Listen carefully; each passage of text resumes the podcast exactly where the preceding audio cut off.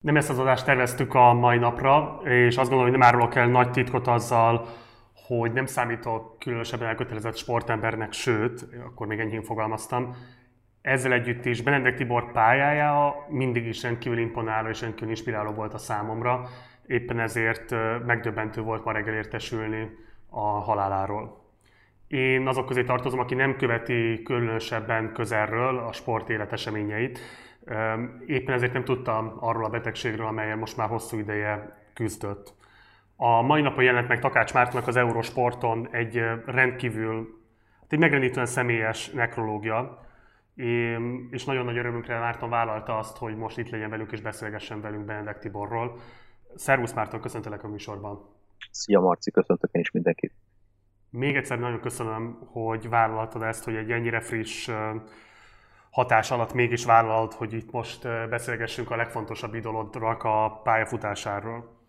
Köszönöm. Azzal szeretném kezdeni, hogy idézed Eszterház ünnepi beszédéből az alábbi szöveget, amiből csak egy mondatot hoznék most ide. Azt írja Eszterházi, nem olyan akarok lenni, mint ő, hanem úgy akarok lenni én. És ez egy nagyon pontos mondat, ami nagyon pontosan kifejezi azt az érzést is, ami bennem is megfogalmazódott Benedek Tiborral kapcsolatban. Mondom még egyszer úgy, hogy különösebben nem mondanám magamat elkötelezett sportrajongónak. Ezzel együtt is, amit eljutott hozzám, nem csak a játékosi karrieréből, hanem különösen egyébként utána az edzői karrierjéből, az azt gondolom, hogy, hogy tényleg példaértékű. Mielőtt belemennék esetlegesen a kronológikus ismertetésébe a pályafutásának, eh, tudom, hogy ez egy ilyen nagyon nehéz kérdés de mégis számodra mi az a legmeghatározóbb személyes élmény, ami, hogyha Benedek Tiborra gondolsz, elsőként az eszedbe jut? Hú. És, és köszönöm a meghívást, és nagyon köszönöm, hogy gondoltatok arra, hogy a Portizánban is megemlékezetek Tiborról. Nagyon nehéz mondani erre, és nagyon sok élmény meg emléke van. Ugye, ha már Eszterázit idézted, ő a Vörös Sándor temetésére beszédben írta azt, hogy mindig magunkat is temetjük ilyenkor. Tehát, hogy személyes veszteségünk is van. Engedjék engedjetek meg, hogy azért a személyességet nézzétek el nekem. Ö, én a Barcelona olimpián láttam őt talán először vízilabdázni, mert vissza tudok emlékezni, ez 1992-ben volt, tehát 28 éve. Az egyik legnagyobb csalódása volt Tibornak, mert ö, hatodik lettek a vállalatot, viszont ő gólkirály volt. És a, az az Újpest, ahol ő játszott, az az évtizednek a legerősebb csapata volt az egész világon, mindent megnyertek, és amit ott láttam tőle, az a végtelen akarat, hajtás, és ahogy nyilatkozott már akkor is bármi kevésbé olyan összeszedettem, mint azóta, az az alázat és szorgalma megjelent az összes nyilatkozatában, a meccsein, egészen példamutató volt, és senki mástól nem láttam olyan szinten és olyan hatással, mint tőle. Menjünk végig akkor a sportkarrierjének a legfontosabb állomásain. Első, ugye 89 az Újpest játékosa lesz. Miért az Újpest játékosa lesz, és mi az, amit tudni kell az akkori Újpestről? Maga Tibor azt mondta erről egy néhány év ezelőtti nyilvános rendezvényen, hogy hívott a Vasas, a Spartacus és az UTE. A Vasas és a Spartacus 20-20 ezer forintot ajánlott, az UTE 10 ezeret, tehát nem a pénz döntött. Azért már ez is sokat mond Tiborról, akkor ő ugye 72-es születésű, tehát akkor volt 17 éves, ha jól számolom az Újpest a, akkor alakult meg annak a Nagy Újpestnek az alapja, ami a 90-es éveket uralta, akkor még Görgényi István volt a, az edző, ő rakta a későbbi sikercsapatnak az alapjait, amelynek a babérjét már Kovács István vezető edző vezetésről adták le a srácok. Itthon mindent megnyertek, sorozatban nyerték a bajnokságokat, Magyar Kupát, Zsinorban játszottak három begdöntőt 94-ben, 95-ben, 96-ban, és egyet 94-ben meg is nyertek. Engem akkor ragadott magával teljesen a vízilabda, és maga Benedek Tibor ő akkor már a világ legjobb játékosa volt, tehát már 24 évesen, de amikor ő kiszerződött volna Olaszországba talán 96-ban, akkor még egy szintet tudott emelni a pályafutásán, és egy olyan tudatos sportról és tudatos ember lett, ami szerintem például az egész magyar sport történetében, nem csak a magyar vízilabdában, sőt a világ sportják történetében is. Meggyőződésem, hogy a vízilabda egyetemes történetek legnagyobb alakja halt ma meg. Nincs és nem is lesz, és nem is volt még egy olyan ember, mint ő és az az egész pályafutására jellemző emberi és szakmai tulajdonságok miatt mondom, ami miatt az Újpestben elkezdődött. Ez a tudatosság miben érhető tetten szerintem, amire utaltál az előbb? Hát például arra, hogy kicsit ugrunk az időben, már 34 éves volt Tibor, amikor 2006-ban kétszeres olimpiai bajnokként, euróbajnokként, világbajnokként, többszörös bajnoki győztesként egyéni úszóedzésekre elkezdett járni a saját ötlete alapján. Mert azt mondta, hogy nagyon csúnyán úszik, rengeteg energiát emész fel az, hogy kompenzálja a technikai hiányosságait, ezért még egyszer mondom, 34 évesen elkezdett egyéni úszóedzésekre járni, elkezdett jogázni, amiatt kinevették a saját csapattársai, az olimpiában a klasszisai, hogy olyan egészen más szárazföldi felkészülést végzett, átalakította az étkezését, mindent annak rendelt a zsinórban harmadszor is olimpiainak legyen, és a saját elmondása szerint 2008-ban Pekingben játszott a legjobban, akkor már 36 éves volt. Ami egészen elképesztő. Tekerj kicsit vissza az időt. Ugye Barcelona, Atlanta, egy hatodik és egy negyedik hely, ami neki akkor a jussa volt, és aztán a 97-es Sevillai eb szerzik meg az első aranyérmet. Hogy lehet leírni ezt az áttörést akkor? Ugye ez azt jelenti, hogy nagyjából volt akkor egy évtized, amikor sorozatos, hát kudarcok érték abban az értelemben, hogy nem sikerült aranyéremre váltani azt a temérdek amit belefektetett a sportkarrierébe, de hát azért ezek így is nagyon szép helyezések. Tehát azért azt gondolom, egy olimpiai negyedik hely az semmiképpen sem kudarc, bár nyilvánvalóan ő maga kudarcként érte ezeket meg. Mit lehet elmondani erről a 89-től 97-ig tartó időszakról? Mi az, ami ekkor igazából hitet tudott neki adni arra vonatkozóan, hogy fog ő még a dobogó tetején állni olimpiai győzelem során? Szerintem saját maga, tehát saját magában alakított egy olyan belső meggyőződést, olyan hitet, mivel nem volt sikeres a magyar vízilabda akkor, amire vitette előre. Olyan maximalista volt, aki egy pókerpartit sem szeretett elveszíteni, vagy szerintem egy zsákban ugrálós versenyen 10 éves korában. Az az időszak, ez a 90-es évek eleje, az előtte néhány év egy átmeneti időszak volt a magyar vízilabdában. A korábbi nagy klub és válogatott sikereket nyomaiban sem tapasztalhattuk. Válogatottban szenzációs játékosok voltak, de csapatként együtt nem tudtak együttműködni. Klikkek voltak, ezt Benel Tibor többször elmondta a könyvekben is. Nyilatkozik erről, hogy amikor ő válogatott lett 90-ben, voltak a nagyon idősek, voltak a közepesen idős játékosok, és ők a fiatalok, ők is képviselt, és egyszerűen nem volt egy jó csapategység. Erre ráment 7 év az ő életéből ugye két olimpia, de irdatlan, aki olimpián hatodik, ez semmivel nem dolgozik kevesebbet, mint aki olimpiai bajnok, ezt azért szögértük le. És ö, nagyon kellett ahhoz a sikerhez, hogy jön egy új szemlélet, amivel Kemény Dénes szövetségkapitány rendelkezett, aki 1996 végén lett szövetségkapitány, gyakorlatilag semmiből. De előtte való tíz évet Olaszországban dolgozta, végig a Komóban egy középcsapatnál, itthon nem számított rossz játékosnak, de nem volt olyan játékos, mint Tibornak, közelében sem volt. Viszont olyan tapasztalatokat szerzett a világ akkori legjobb vízilabda nagyhatalmában Olaszországban, amiket egy nagyon szerencsés generációval ötvözött, ez a Kásás Tamás féle generáció, 76-osok, akik az utánpótás osztályban soha nem kaptak ki. 66 mérkőzést játszottak, 65-öt megnyertek, egy töltetlenjük volt. Így kerültek át a 67 nagy válogatottban, és mentek át a falon. Hozzájuk csatlakozott az a néhány öregebb játékos, mint Tibor, Vince Balázs, Tóth Frank, Zoltán, akik aztán a későbbi sikerekben is nagy szerepet vállaltak, és ennek a csapatnak az első nagy győzelem volt a 95-ös világkupa után, a 95-ös, 95-ös világkupa a 97-es Európa-bajnoki győzelem, amit még ez a teljesen vegyes társaság ért el, amit aztán Kemény Dénes tudott a Sydney olimpiáig úgy ö, ö, formálni, hogy inkább már csak a fiatalok és néhány rutinos játékos, mint Kóz Zoltán vagy Benedek Tibor Varga Zsolt ö, alkossák a nyerőcsapatot, és nyerőcsapat lett évtizeden át. Ugye a 99-es EB kapcsán történik meg talán a legméltatlanabb fordulata a pályafutásának. Ez úgynevezett kenőcsügy, amely egy doppingvád dal illetik őt magát, és ez egy 8 napos eltiltást eredményez a pályafutásában. Pontosan mi történt, tehát mi volt az, amivel gyanút szolgáltatott, és ami miatt ezt a szigorú eltiltást mérték rá?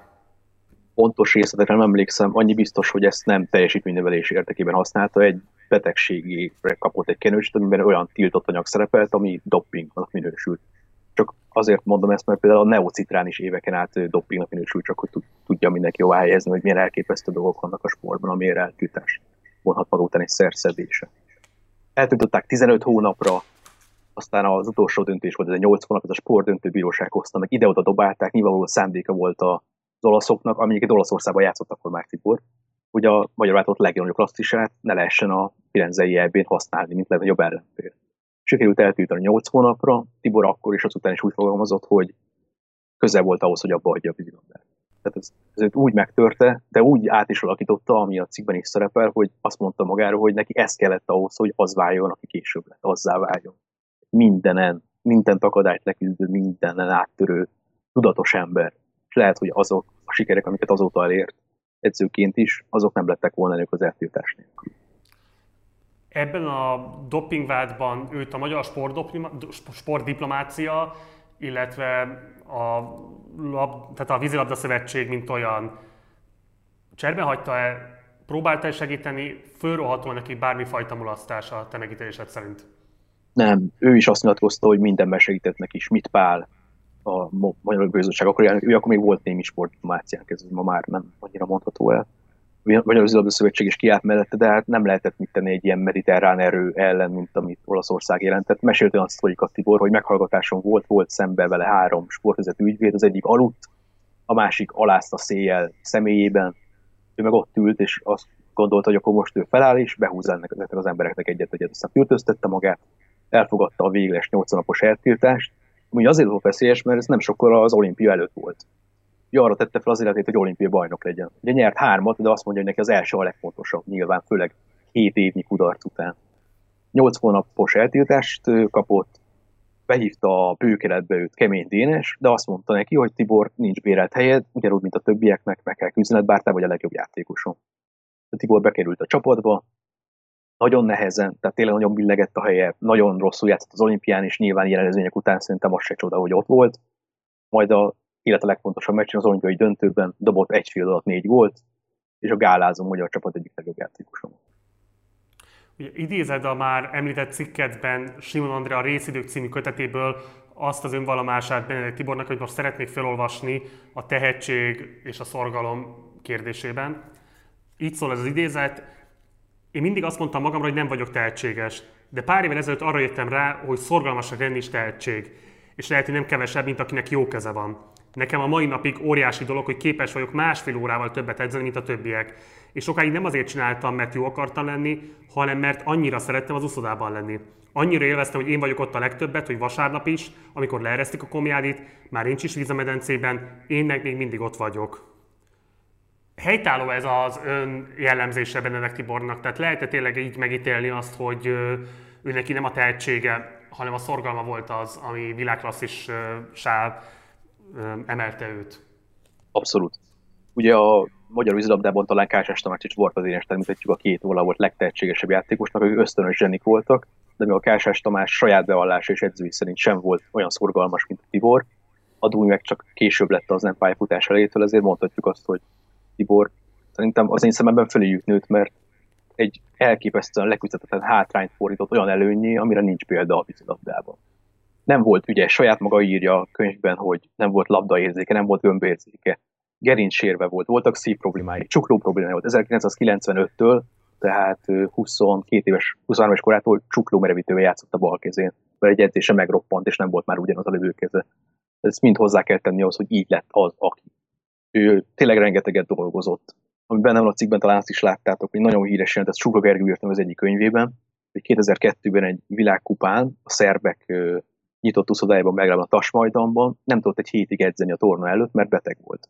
Amikor már tudott, akkor a normál edzés után is ott maradt még egy órát egyedül, a szakadó esőben, egyedül lőtt kapura.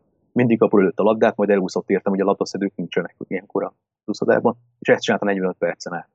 Nekem volt szerencsém egyszer azt látni már szövetségkapitányi korában, amikor a Margit szigeten ugyanezt megcsinálta, csak úszott. Megtartotta a csapat a három órás edzését, majd ugyanúgy esőben már sötétedett, beült az úszodá, a medencébe, és leúszta a saját tagját. Tehát ő mindig rengeteget dolgozott, és nem csak a medencében. Azt már Varga Dániel az egyik olimpiai bajnok csapattársa, későbbi játékosa mesélte, akkor Tibor ideiglenes szövetségkapitány lett, elnézést, hogy ugrunk, de ide tartozik. Akkor az első ö, videós edzésére vitt a saját iPad-jét, megkapcsolta, és ott volt több ezer videó mondja Warden, hogy ez hihetetlen, hogy egy 30 perces videóedzés láthatóan ez az ember napokat dolgozott, hogy összevágja az anyagokat saját kézbe. És mondta, hogy már csak ezért nem, csak ezért sem hoztak rá szégyent, hogy ugyanígy kell dolgozni. Minden egyes mozdulata tényleg példamutató volt. Nem csak játékosként, edzőként is. Volt olyan már halálos betegen, nemrég egy éve talán, hogy a Komjádiban egy UVS meccs után, amelynek volt az edzője, kötelező sajtótájékoztatót kell tartani, és ő cipelte oda, én láttam a saját szemmel a székeket, meg az asztalt, és összerakta a kis helyiséget, hogy lehessen sajtótájékozatot. Már beteg. 2000 és 2008 között ugye három olimpián is um, aranyérmes lett a csapat. Um, erről úgy ír, erről úgy szólt Benedek Tibor, A lényeg abban nyilvánul meg, hogy mi nem azért vagyunk jók, mert nyerünk vagy nem nyerünk, hanem mi jók vagyunk, és aztán vagy nyerünk, vagy nem. Ezt a gondolatot kell mindig százszázalékosan átadni vagy megérezni. Ezt ugye szintén Simon Andrának a már idézett kötetében nyilatkozta.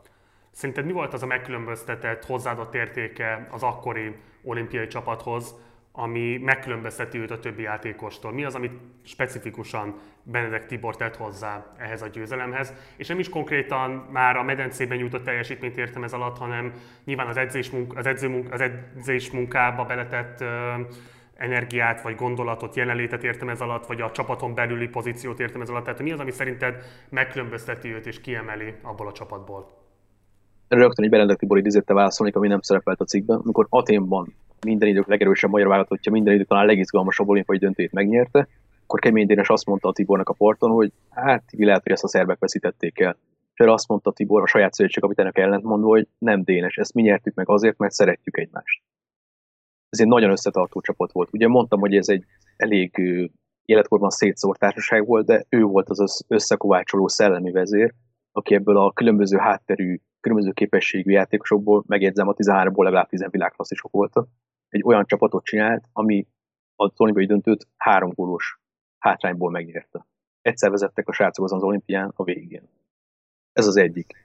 Másik, hogy legendás volt már akkor is a, csapat beszédeiről, amikor még nem ő volt a csapatkapitány. Ugye 2002-ben lett vált a csapatkapitánya, de már előtte is az a fedezet, az a morál, az a tartás, ami mögötte volt az elmúlt, előtte lévő tíz évben, munkában, hozzáállásban, az nem kellett hozzá egy csapatkapitányi karszak vagy kinevezés, hogy azt mondják, hogy ő azért.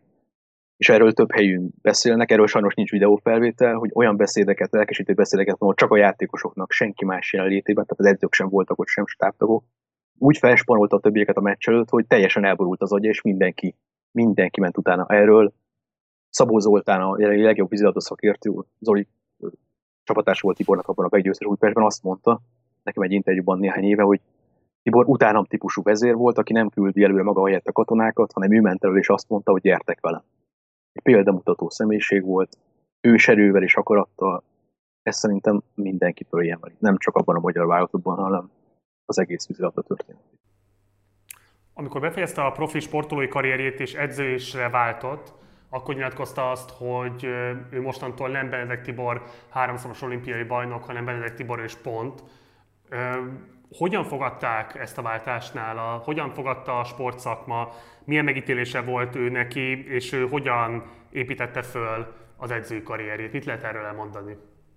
Az az érdekesség, hogy neki ez egy ilyen véletlen jött lehetőség volt. Olaszországban maradt volna egy kisebb olasz klub vezetőedzőjeként, de az a klub becsődölt, és ezért kapva kapott az alkalmon, hogy akkor megpályázza az olimpiai háromszoros színvédő magyar váltott irányítását. Tudni kell, hogy ilyen pályázati rendszer van nagyon helyesen, tehát ilyen átlátható, transzparens módon, és mellette Vince Balázs korábbi újpesti csapattársa is pályázott, vagy Gyöngyösi András, egy vele korábbi vállalatot játékos. Csak egy példa erre, hogy amikor a nap volt, amikor eldőlt, hogy kit választ uh, szövetségkapitánynak a, az elnökség. Engem feljúvott egy korábbi vízilabdás, nagyszerű tévés személyiség, producer, rendező, nem fogom megnevezni, és kérdezte, hogy mit szólok, kit javasolnék én kapitánynak. Mondom, ne hülyéskedj, Benedek Tibor.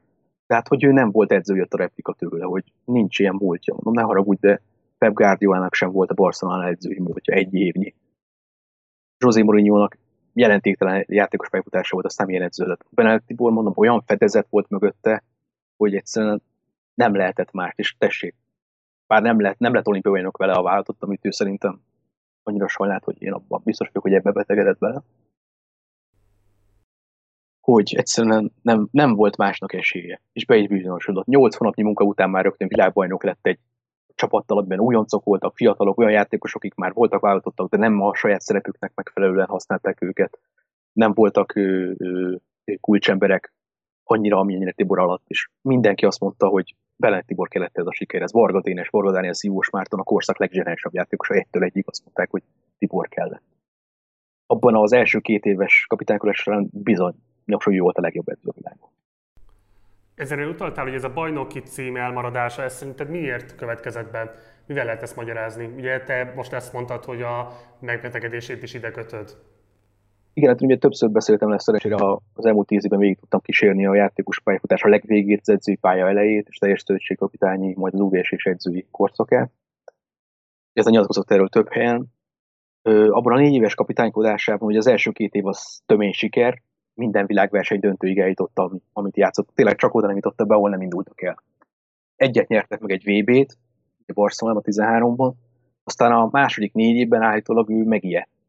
Megijedt attól, hogy talán mégis a túl sok öreg játékos van a csapatban, ugye mivel el, nem jöttek nem csak úgy döntők, hanem ötödik, hatodik helyek csúsztak be, elbizonytalanodott a saját munkájában, edző, segédedzőt váltott, csapatkapitányt váltott a jó előtt három héttel, Varga Danit, Varga Dénes a testvére, ami még furcsa személyes szakmai döntések voltak. Lehet, hogy utólag ő is értékeli esetleg, hogy, hogy nem szerencsés, bár én azt olvastam, hogy ő nem bánt meg semmit, és mindent ugyanígy csinált, hogy csak következetesebb lett volna.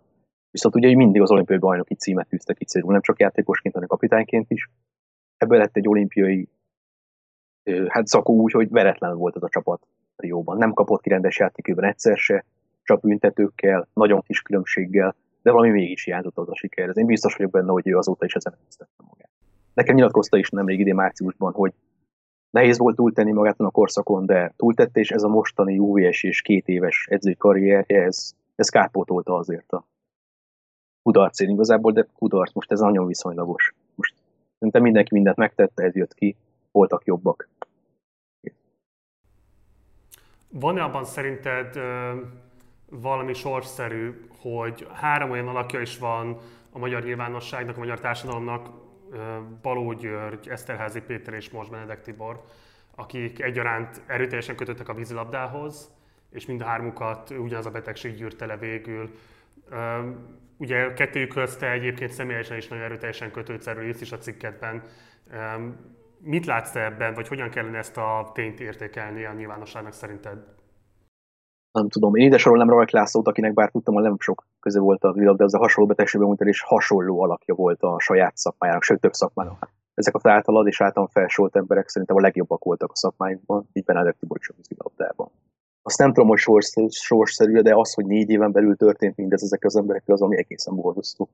Olyan veszteségeket szenved el ezzel az ország, ami szerintem, mi szerintem, ahogy ismernek, beláthatatlan következményekkel jár.